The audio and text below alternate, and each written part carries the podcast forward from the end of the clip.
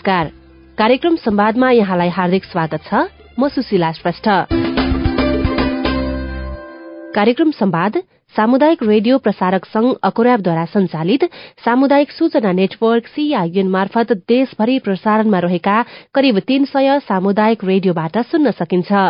कार्यक्रम संवाद WWW dot CIN Khabar dot कममा इन्टरनेट मार्फत चाहेको बेला विश्वभरि सुन्न सकिन्छ भने मोबाइल एप सीआईएन डाउनलोड गरेर पनि सुन्न सकिन्छ।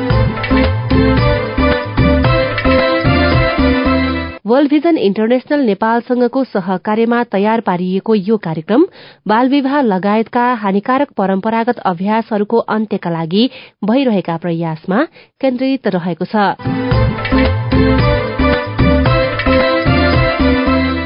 आजको कार्यक्रम संवादमा नेपालमा बाल विवाह लगायत हानिकारक परम्परागत अभ्यास अन्त्यका लागि स्थानीय सरकार र धार्मिक अगुवाहरूको भूमिकाका विषयमा केन्द्रित रहनेछ। नेपालमा बाल विवाह एक बहुआयामिक र जटिल समस्याको रूपमा रहेको छ। मानव अधिकारको गम्भीर उल्लंघन र लैंगिक विभेदको रूपमा बाल विवाह रहेको छ। दुई हजार अडसठी सालको जनगणना अनुसार नेपालमा विवाहित महिला मध्ये पचहत्तर प्रतिशत बीस वर्ष उमेर मुनिका रहेका छन्। बाल विवाहले बालक र बालिका दुवैलाई नकारात्मक असर पार्ने भए तापनि बालिकाहरू यसबाट बढ़ी प्रभावित भएका छन्। बाल विवाह विरूद्धको अधिकारको क्षेत्रमा केही सकारात्मक पहलहरू पनि भएका छन्। नेपालको संविधान तथा मुलुकी अपराध संहिता दुई हजार चौरात्तरले मुलुकी देवानी संहिता दुई हजार चौरात्तरले बाल विवाहलाई कसुर कायम गर्ने तथा बाल विवाह विरूद्धको अधिकारलाई संरक्षण गरेको छ। कार्यक्रममा अब भने बाल विवाह लगायत हानिकारक परम्परागत अभ्यास अन्त्यका लागि स्थानीय सरकारको भूमिकाको विषयमा चर्चा गर्दैछौ। साथी अस्मिना पाण्डेले बुटवल उपमहानगरपालिकाका उपप्रमुख सावित्री देवी अरियालसँग बाल विवाह लगायत हानिकारक परम्परागत अभ्यास अन्त्यका लागि पालिकाले गरिरहेको पहलका विषयमा कुराकानी गर्नुभएको छ। वास्तवमा बुटवलमा म योभन्दा पहिले पनि महिला अधिकारको क्षेत्रमा काम गर्ने एउटा पोलिटिक्स गर्ने भए हुनाले महिलाकै क्षेत्रमा बढी काम गर्थे। र यति धेरै किशोरीहरूको बाल विवाह भएको छ भन्ने चाहिँ मलाई विश्वास लागेको थिएन बुटवलमा तर अहिले आइसकेपछि यो सेतो गुराँसले जुन किशोरीहरू किशोरी शिक्षाका रूपमा किशोरीहरूलाई ल्याउने काम गर्नुभयो त्यहाँ लगभग दुई सय किशोरीहरू चाहिँ बाल विवाह गर्नुभएको। त्यो पनि अझै तेह्र वर्षमा विवाह गर्ने सत्र वर्षमा दुईटा बच्चा हुने सत्र वर्षमा एकल हुने। त्यस्तो खालको देख्दाखेरि त वास्तवमा बुटोललाई बाल विवाह मुक्त गराउनु पर्छ भनेर जुन दिन म गएर ती किशोरीहरूको दीक्षान्त समारोहमा बसेँ त्यो दिनदेखि मलाई चाहिँ लागेको छ अब किशोरीहरूलाई चाहिँ त्यो खालको बाल विवाहमा संलग्न गराउन हुन्न भन्ने लाग्यो। फेरि हाम्रो संविधानले भनेको छ बिस वर्ष यता बालिकाको बिहा गर्न हुन्न नानीको महिलाहरूको बिहा गर्न हुन्न भने पनि नानीहरूलाई मैले त्यति बेलै सोधेँ तिम्रो विवाह बुवा आमाले गरिदिनु भयो कि लभ म्यारिज हो भनेको हाम्रो धेरैले लभ म्यारिज भन्नुभयो। अब ती बालिकाहरूलाई त्यो क्षेत्रका बालिकाहरूलाई हामीले सुसूचित गर्नुपर्छ बिस वर्ष नभई बिहे गर्नुहुन्न बाल विवाहको यो खालको कानुन छ भनेर सुसूचित गरेर लग्नुपर्छ। र ती बालिकाहरू चाहिँ यस्तो हृदय विदारक उहाँहरूको दुःख देख्दाखेरि चाहिँ तपाईँहरू पढ्नुहुन्छ भनेर मैले सोधेँ। सोधेको धेरैले दुई सयमा लगभग एक सय पचासले हात उठाउनु भयो हामी पढ्छौँ भनेर। मैले जिम्मा लिएको छु तपाईँहरू आउनुहोस्। तपाईँहरूलाई निशुल्क पढाउने जिम्मा चाहिँ उपप्रमुख भयो भनेर जिम्मा लिएर आएको छु। उहाँहरूले पढ्नुभयो भने भोलि आर्थिक रूपमा सामाजिक रूपमा राजनीति रूपमा सक्षम हुनका लागि पनि उहाँहरूलाई शिक्षा दिनुपर्छ भन्ने लागेर बुटोलमा चाहिँ एउटा महिला विद्यालय छ जो कि मैले नेतृत्व गरेका थिएँ। साधना महिला विद्यालय। त्यहाँ चाहिँ ती किशोरीहरूलाई पढाउने गरी र उहाँहरूको नेतृत्व विकास गर्ने गरी काम गर्नका लागि मैले अग्रसरता लिएको छु। मैले बोलाएको हुँ। सेतु गुराँससित सम्पर्क गरेर उपप्रमुखको कार्यकक्षमा तपाईँहरू कतिजना पढ्ने नाम दिनुहोस् भनेर भनेको अहिलेसम्म आएको छैन। नआए पनि म फेरि फलो गर्नेछु। हजुर। अब त्यो यहाँ आफू कार्यक्रममा गइसके पछाडि चाहिँ अवस्था यस्तो रहेछ भन्ने खालको एउटा तथ्याङ्कीय हिसाबले पनि यहाँले त्यो थाहा पाउनुभयो। खास गरी बुटुवलको एघार नम्बर ओडा लगायतका केही ओडा र सीमान्तकृत समुदायका बालिकाहरू त्यहाँ धेरै भेटिएका थिए। अब त्यो बाहेक पनि अब नगरपालिकाले समग्रमा बाल विवाह न्यूनीकरण गर्नका लागि चाहिँ कस्ता कस्ता योजनाहरू ल्याउनुपर्छ अथवा अहिलेसम्म के के योजनाहरू रहेछन् यहाँ दोस्रो कार्यकालमा उपप्रमुख भइरहँदाखेरि चाहिँ योभन्दा पहिला पनि नगरका धेरै योजनाहरू नीतिहरू अगाडि सरिसकेका छन् होला। कस्तो कस्तो योजनाहरू छन् र अब चाहिँ कसरी अगाडि बढ्ने योजनामा छ नगरपालिका? यो बुटोल चाहिँ जताततैबाट बटुलिएर आएका मान्छेहरू बसोबास गर्ने ठाउँ। त्यसो भएर यो बटौली भएको हो अरे भन्ने चाहिँ म बचपन हुँदाखेरि मैले सुनेको थिएँ। र यहाँ आफ्नो जात जाति वेशभूषा संस्कृति अनुसार चाहिँ काम हुने हुँदाखेरि केही मधेसी मूलको समुदायले छोरीलाई सानैमा बिहा गर्ने त्यसपछि चाहिँ पछि उसलाई चाहिँ अलि हुर्किसकेपछि घर गर्न सक्ने भइसकेपछि उसको उमेरले अब यतिको भएपछि पठाउने भनेपछि पठाउने चाहिँ उहाँहरूको संस्कृति हो त्यो। त्यो संस्कृतिलाई त्यो मूलका मान्छेहरूलाई राखेर हामीले चाहिँ नगरपालिकामा एक खालको ओरिएन्टेसन गर्नुपर्छ भन्ने चाहिँ मैले सोचिराखेको छु। यो चुनाव पछाडि हामीले विभिन्न समुदायलाई राखेर ओरिएन्टेसन गर्नुपर्ने हुन्छ। अब भागेर जाने बाबुआमालाई नसोध्ने दसैँ वर्षमा भाग्नेसित त कसरी सकिएला जस्तो पनि लाग्छ तर गर्न के सकिन्न र आँट्यो भने जे पनि गर्न सकिन्छ। मान्छेले ढुङ्गालाई त पगाल्छ हामी त मान्छेसित जाने हो र मान्छेसितै सँगै रहन्छौँ यहीँका जनतासित सँगै रहन्छौँ भनेर अलि कठोर निर्णय लिन मन लागिरहेको छ ती नानीहरूको अवस्था देखिसकेपछि। विशेष गरेर मधेसी समुदायसित हामी चाहिँ धेरै बसेर अन्तर्क्रिया गर्नुपर्छ भन्ने मलाई लागेको छ। अब अभिभावकहरूसँग चाहिँ बाल विवाह न्यूनीकरणका लागि कस्तो खालको भूमिका नगरपालिकाले निभाइरहेको छ अहिलेसम्म र योजना चाहिँ के छ? Mm, के हो भन्दाखेरि अभिभावकहरूलाई राखेर उहाँहरूलाई सुसूचित गरेपछि उहाँहरूको जुन संस्कृति छ जुन परम्परा छ त्यो परम्परालाई हामीले तोड्न सक्नुपर्छ। उहाँहरू पनि त्यसमा आउन सक्नु पर्यो विभिन्न जात जाति भा भेष वेशभूषा आफ्नो संस्कृतिसित रहेका र आफ्नो धर्मसित रहेका मान्छेहरूलाई परिवर्तन गर्न अलिकति कठिनाई पनि हुन्छ। तर पनि संविधानलाई टेकेर तपाईँहरूले जुनसुकै धर्म माने पनि नेपाली भइसकेपछि यहाँको संविधानलाई टेकेर हामीले काम गर्नुपर्छ। बिस वर्ष यता चाहिँ नानीहरूको बिहे गर्नुहुन्न। भनेर। हामी चलाउँछौँ। यो वर्ष कम होला अर्को वर्ष अलि बढ्ला अनि अर्को वर्ष बढ्ला त्यसरी चाहिँ लैजाने गरी चाहिँ कामको योजना बनाएका छौँ। अब यहाँले लामो समयसम्म दिने किशोरीहरूसँगै बसेर पनि कुराहरू गर्नुभयो होइन? किशोरीहरूसँग यहाँले प्रत्यक्ष भेटेर पनि कुरा गर्नुभयो। कारणहरू चाहिँ के के रहेछन् बाल विवाह हुने कारणहरू चाहिँ कुन कुन कारणले चाहिँ उहाँहरूको बिहे भएको रहेछ? र बुटोल उपमहानगरपालिकालाई हेर्दा र समग्र देशकै अवस्थालाई हेर्दा चाहिँ बाल विवाह कस्ता कस्ता कारणले भइरहेको रहेछ? र यिनी कारणहरूलाई चाहिँ नगरपालिकाले विषयवस्तु बनाएर कस्तो खालको नीतिहरू ल्याउन जरुरी देखिएको छ त? यो कारण चाहिँ मैले भेटाइन। नानीहरूलाई सोद्धाखेरि मैले कारण भेटाइन। किन भन्दा तेह्र वर्षको बच्चाले के बुझ्छ? ऊ त भाँडाकुटी खेले जस्तो आफू जत्रै साथीसित हामी श्रीमान श्रीमती हुने भने भागे। त्यो त्यो त्यसो भएर जुन संविधानले दिएको अठार वर्ष बिस वर्ष छ नि त्यहीँ टेक्न सकियो भने मात्रै सुधार गर्न सकिन्छ। नै भने सानोमा जानेहरूलाई त कसको बच्चा घरमा के गरिरहेको छ त्यो त नगरपालिकाले हेरिरहन सक्दैन। त्यो अभिभावकले चाहिँ बुझ्नु पर्ने कुरा हुन्छ।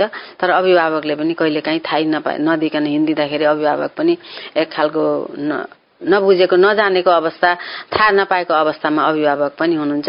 त्यही हो मैले अघि नै पनि भने अभिभावकहरूलाई हामी राख्ने ओरिएन्टेसन गर्ने उहाँहरूलाई विभिन्न खालको तालिमहरू दिने शिक्षा दिने चेतनामूलक शिक्षा दिने र जुन किशोरीहरू बिहा भइसकेर आफू लभ म्यारेज गरेर गइसकेपछि पन्ध्र वर्षमा चौध वर्षमा बच्चा जन्माउँछन्। त्यो बच्चा जन्माउँदा त्यो किशोरीलाई हुने समस्याका बारेमा बाबा आमालाई सुसूचित गर्यौं भनेदेखि र त्यो किशोरीलाई पनि गर्यौं भनेदेखि उनीहरूले बुझ्यो भने यो काम चाहिँ न्यूनीकरण हुन्छ भन्ने चाहिँ लाग्छ। विद्यालयहरूमा चाहिँ यो नैतिक शिक्षाको कमीले पनि बाल विवाहमा चाहिँ यो खालको अलिकति नराम्रो असर परिरहेको हो कि नगरपालिकाले चाहिँ अभिभावक संघहरूसँग बसेर अभिभावकहरूसँग बसेर छलफल चलाउने नैतिक शिक्षाका विषयमा जानकारी गराउने र नगरको आफ्नै शिक्षाका रूपमा पनि नगरको एउटा पुस्तक पनि अहिले यहाँका विद्यालयहरूमा पठन पाठन भइरहेको छ होइन?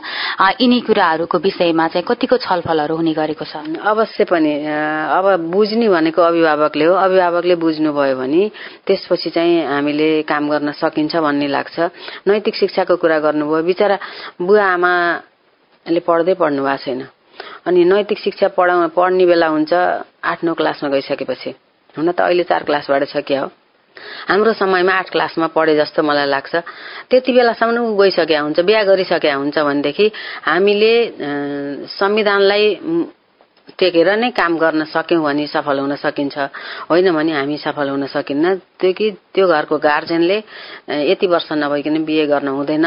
बिहे गर्दाखेरि भोलि बच्चा जन्मिँदाखेरि हुने समस्याहरू सबै महिलाहरूको शारीरिक अवस्था त बनावट त बनेको हुन्न नि त। हाम्रो शारीरिक अवस्था त बिस वर्षपछि मात्रै बच्चा जन्माउनका लागि त्यो शारीरिक बनावट बनेको हुन्छ।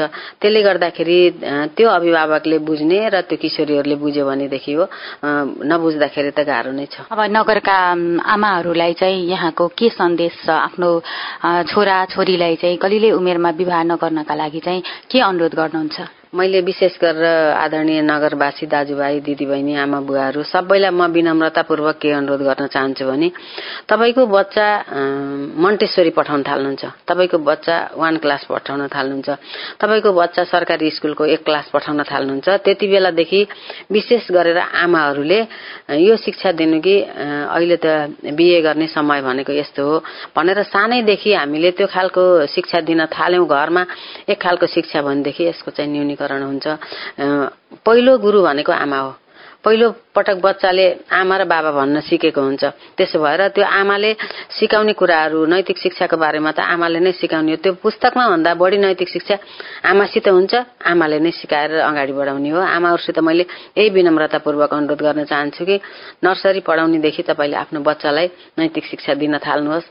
अवश्य पनि तपाईँको बच्चा चाहिँ राम्रो हुन्छ।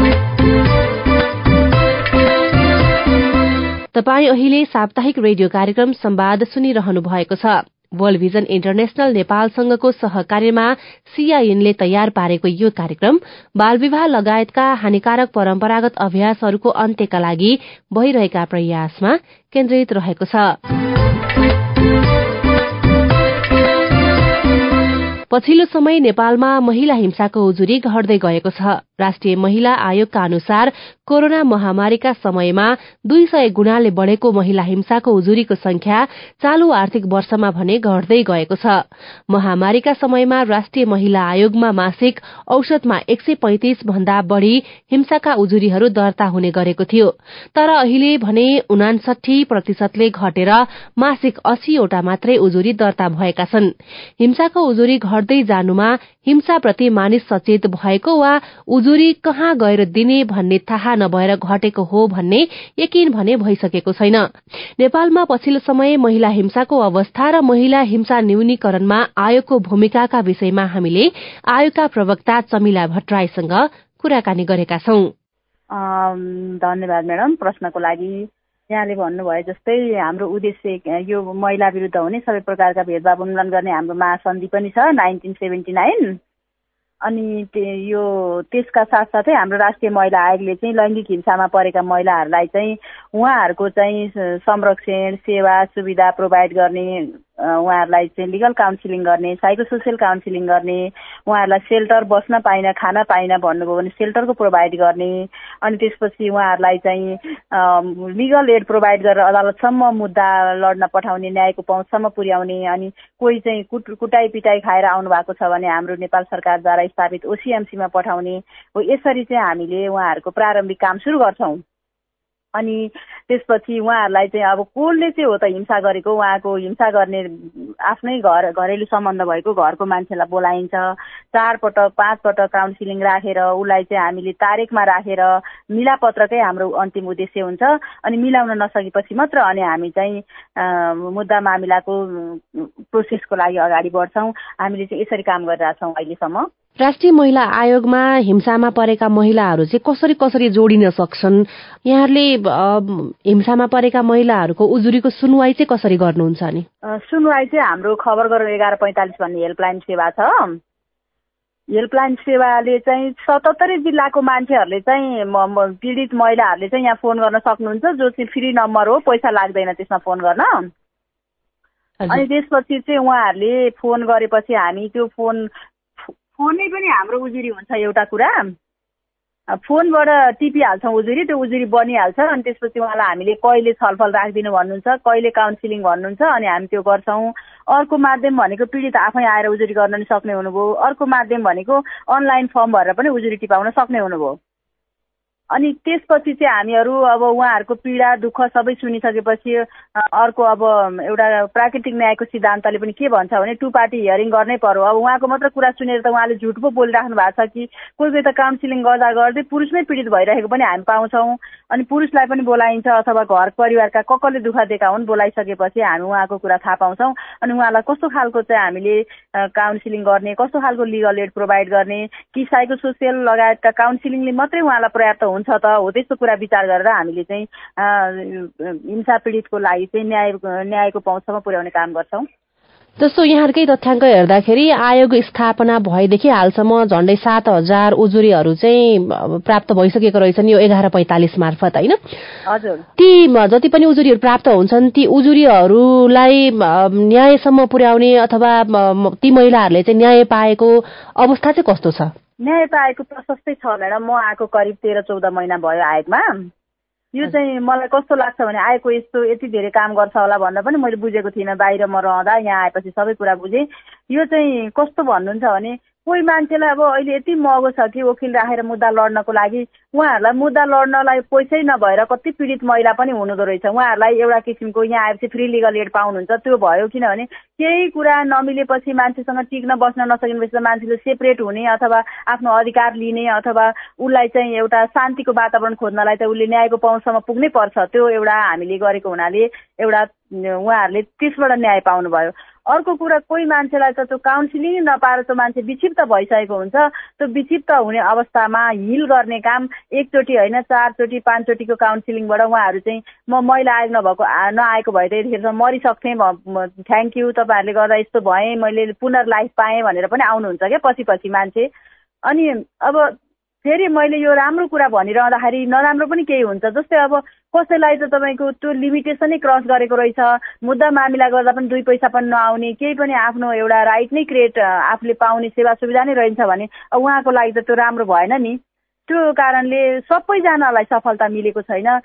भनौँ एट्टी नाइन्टी पर्सेन्टलाई मिलेको हो भन्ने मेरो बुझाइ छ। जति महिलाहरूलाई चाहिँ न्यायमा पहुँच पुर्याउन सकिएको छैन उनीहरूलाई न्यायमा पहुँच पुर्याउनका लागि चाहिँ देखिएका चुनौतीहरू समस्याहरू चाहिँ के छन् त? समस्या चुनौती चाहिँ आयोगले कस्तो भने अब तपाईँको पहिलो कुरा त धेरै महिलालाई म महिला भएकै कारणले के के सुविधा पाउँछु त भन्ने कुरो पनि थाहा छैन। यो चेतनाको जागरणको कमी छ। यो चेतना जागरणका कार्यक्रम पनि हामीले अब जुन जिल्लामा गएका छैनौँ नगएको नगएको जिल्लामा लिएर त जान्छौँ। तर पनि अझै जति पुग्नु पनि एउटा केन्द्रमा महिला आएको छ सात सय त्रिपन्नैवटा स्थानमा त ऊ पुग्न सक्दैन। यो पनि अपर्याप्त छ। यो एउटा हाम्रो लागि समस्या हो। सबैले चाहिँ न्यायमा पहुँच पुर्याउनको लागि हामीले प्रचार प्रसार चेतना उहाँहरूलाई नै थाहा भएन भने त कसरी चाहिँ त्यो ठाउँसम्म पुग्न सक्नुहुन्छ त?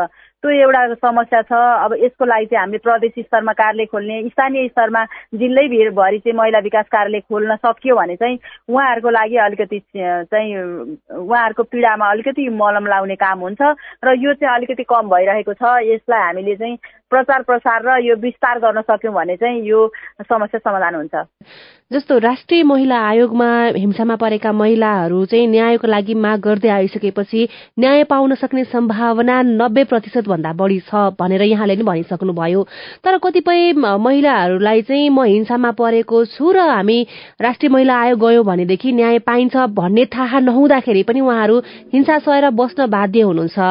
यहाँले ग्रामीण भेगका महिला जसलाई चाहिँ राष्ट्रिय महिला आयोगसम्म ल्याउन र उनीहरूलाई न्यायसम्मको पहुँचमा पुर्याउनका लागि चाहिँ आयोगले कस्तो पहल गरिरहेको छ?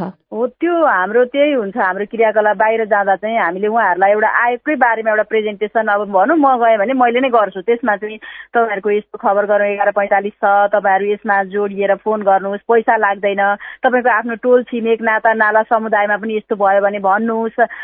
यस्तो छ है महिला आयोगमा एघार पैँतालिस। हामी पैसा खर्च गर्न नसकेर काठमाडौँ नै जान सक्यौँ भने पनि हामीलाई फोनको भरमा पनि उहाँहरूले कानुनी सहायता उपलब्ध गराइदिनुहुन्छ साइको सोसियल काउन्सिलिङ दिनुहुन्छ। जस्तै अब मानु जुम्लाको एउटा महिलाले मलाई चाहिँ एउटा मलाई अंश मुद्दा गर्नु पर्यो घरेलु हिंसाको भयो मलाई मुद्दा गर्नु पर्यो मलाई सम्बन्ध विशेष मुद्दा गर्नु पर्यो भन्नुहुन्छ भने उहाँले फोन गरेको भरमा हामीले यहाँबाट एउटा चिठी मेल गरेर जुम्लाको बार एसोसिएसनलाई पठाइदिउँ भने त उहाँले फ्री लिगल एड त पाउनु भयो नि त उहाँ त्यो त्योबाट त उहाँ उहाँलाई यहाँ आउनको लागि पहुँच थिएन तर पनि हामीले यहाँबाट पहुँच प्रोभाइड गर्ने काम त गऱ्यौँ नि त। हो त्यसरी चाहिँ हामीले काम गरिरहेका हुन्छौँ। त्यही पनि महिलाहरूलाई चाहिँ अझ जति जोड्न पर्ने जोड्न नसकेको हो कि जस्तो पनि देखिन्छ। न्यायमा जोड्न नसकेकै हो यहाँले भनेको कुरा म स्वीकार गर्छु। किनभने हामीलाई स्रोत साधन जनशक्तिको एकदमै कमी। यहाँ केन्द्रमा आएका केसहरूलाई हामीले धान्न नसकेको स्थिति छ भनेपछि हामी बाहिर गएर यो काम यही जनशक्तिले फेरि यही कार्यक्रम लिएर जाने यही जनशक्तिले उहाँ पनि प्रचार प्रसार गर्ने त्यो कारणले हामीलाई मुख्य समस्या भनेको प्रदेश स्तरीय कार्यालय यो संविधानमा भएको व्यवस्थापन हो र जिल्लै पछि चाहिँ महिला विकास कार्यालय भइदियो भने धेरै हिंसाका घटनाहरू न्यूनीकरण हुन्छन् भन्ने मलाई लाग्छ। हजुर। जस्तो हिंसामा परेका महिलाहरूको उजुरी प्राप्त भइसकेपछि पनि न्याय सम्पादनमा चाहिँ आयोगले आयोगले ढिलाइ गर्छ भन्ने खालको गुनासोहरू पनि आउँछन्। यी गुनासोको सुनवाई चाहिँ आयोगले कसरी गरिरहेको छ त? यो चाहिँ यस्तो हुन्छ। अब आयोगमा त तपाईँको उहाँहरूले भनेकै दिन हामी काउन्सिलिङ राखेर हाम्रो क्षेत्राधिकार हाम्रो लिमिटेसनले भ्याएसम्म हामी टाइममै गर्छौँ। तर अब अदालत गयौँ भने त अदालतमा मुद्दाको चाप धेरै हुन्छ। पालो आउन टाइम लाग्छ। अब जस्तो धेरै चाप भएका मुद्दामा त तिन वर्ष चार वर्ष पनि फैसला हुँदैन नि त। अब त्यो चाहिँ भनेको एउटा हामीले हामीभन्दा पनि काबु बाहिरको परिस्थिति भयो हामीलाई। तर आयोगमै आएका केसहरू चाहिँ त्यसरी लामो समय चाहिँ रहँदैनन् र हामीले गर्न मिल्ने काम चाहिँ यथा टाइममै गरेका हुन्छौँ हामीले। हजुर। अहिलेसम्म आयोगले गरिरहेको कामका बारेमा चर्चा गर्यौं। अब चाहिँ आयोगमा प्राप्त भएका हिंसाका उजुरीहरूको चर्चा गरौं। अहिले आयोगमा प्राप्त भएका उजुरीहरूको किसिम चाहिँ कस्तो छ? कस्तो प्रकारका हिंसाका उजुरीहरू चाहिँ बढी आउने गर्छन्? अब हिंसाको प्रकार पनि विभिन्न क्या यहाँले भन्नुभयो जस्तो। अब कोही चाहिँ अब त्यही हो।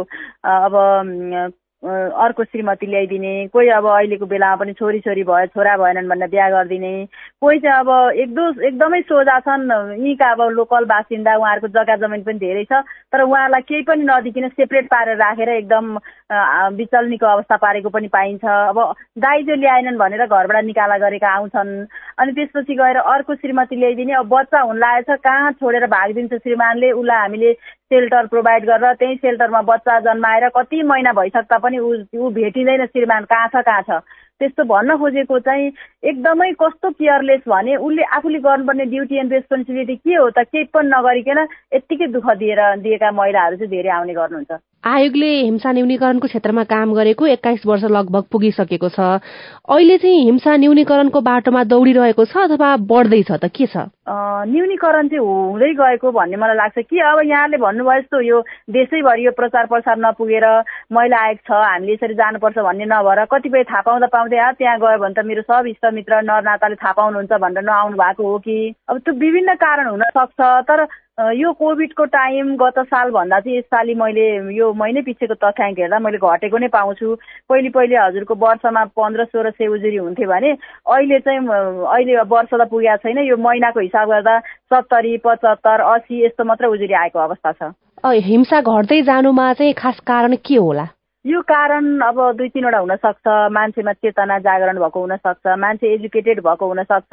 जब मान्छेमा अभाव हुँदैन झगडा पर्दैन तनाव हुँदैन मान्छे आफै सक्षम छ भने उसलाई झगडा गर्ने टाइम पनि हुँदैन उसलाई। त्यो एउटा हुनसक्छ।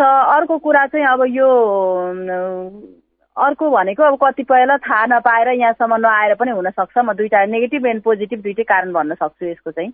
र पनि हिंसाको अन्त्य नै भइसकेको अवस्था चाहिँ छैन। हिंसाको अन्त्यको लागि आयोगले चालु आर्थिक वर्षमा कस्तो योजना बनाएर काम गरिरहेको छ? हाम्रो खासै त्यस्तो स्पेसल योजना चाहिँ केही छैन। त्यही हामीले चाहिँ जति सक्छौँ नगएको नगएको जिल्लाहरूमा नगएको नगएको स्थानीय निकायमा गएर यस्तो यी हानिकारक अभ्यास विरुद्धका कार्यक्रम यो उद्यमीका महिला किशोरीका कार्यक्रम विद्यालयमा लाने अनि त्यसपछि उहाँहरूलाई चाहिँ यस्तो छ महिला आएको तपाईँहरूले चाहिँ उजुरी गर्नुहोस् केही घटना भइहाल्यो हामीलाई राति बाह्र बजे फोन गरे पनि हाम्रो चौबिसै घन्टा हेल्पलाइन सेवा खुल्ला छ भनेर एउटा प्रचार प्रसार गर्ने। अनि अर्को चाहिँ यहाँ आएका पीडितहरूलाई चाहिँ यथाशीघ्र न्यायको पहुँचसम्म पुर्याउन हामीले हाम्रो क्षेत्राधिकारले भ्याएसम्मको काम फास्ट ट्र्याकमा गरेर पठाइदिने हामीले त्यही गरिरहेका छौँ र हाम्रो वार्षिक स्वीकृत बजेट अन्तर्गतको कार्यक्रमहरू हामीले गरेर एउटा अभियानकै रूपमा सञ्चालन गरेका छौँ। यो सँगै कार्यक्रम सम्वादको निर्धारित समय सकिने लागेको छ। आजको विषयवस्तु तपाईँलाई कस्तो लाग्यो? बाल विवाह लगायत हानिकारक परम्परागत अभ्यास अन्त्यका लागि तपाईँको केही अनुभव पो छन् कि? हाम्रो टेलिफोन नम्बर शून्य एक बान्न साठी छ चार छमा फोन गरेर दिइएको निर्देशन अनुसार तपाई आफ्नो अनुभव तथा सल्लाह सुझाव जिज्ञासा एवं प्रतिक्रिया रेकर्ड गराउन सक्नुहुन्छ। साथै तपाईँले हामीलाई हाम्रो Facebook page community information network सीआईएनमा गएर पनि आफ्ना कुरा लेख्न सक्नुहुनेछ। हामी तपाईँको प्रतिक्रिया पर्खिरहनेछौ।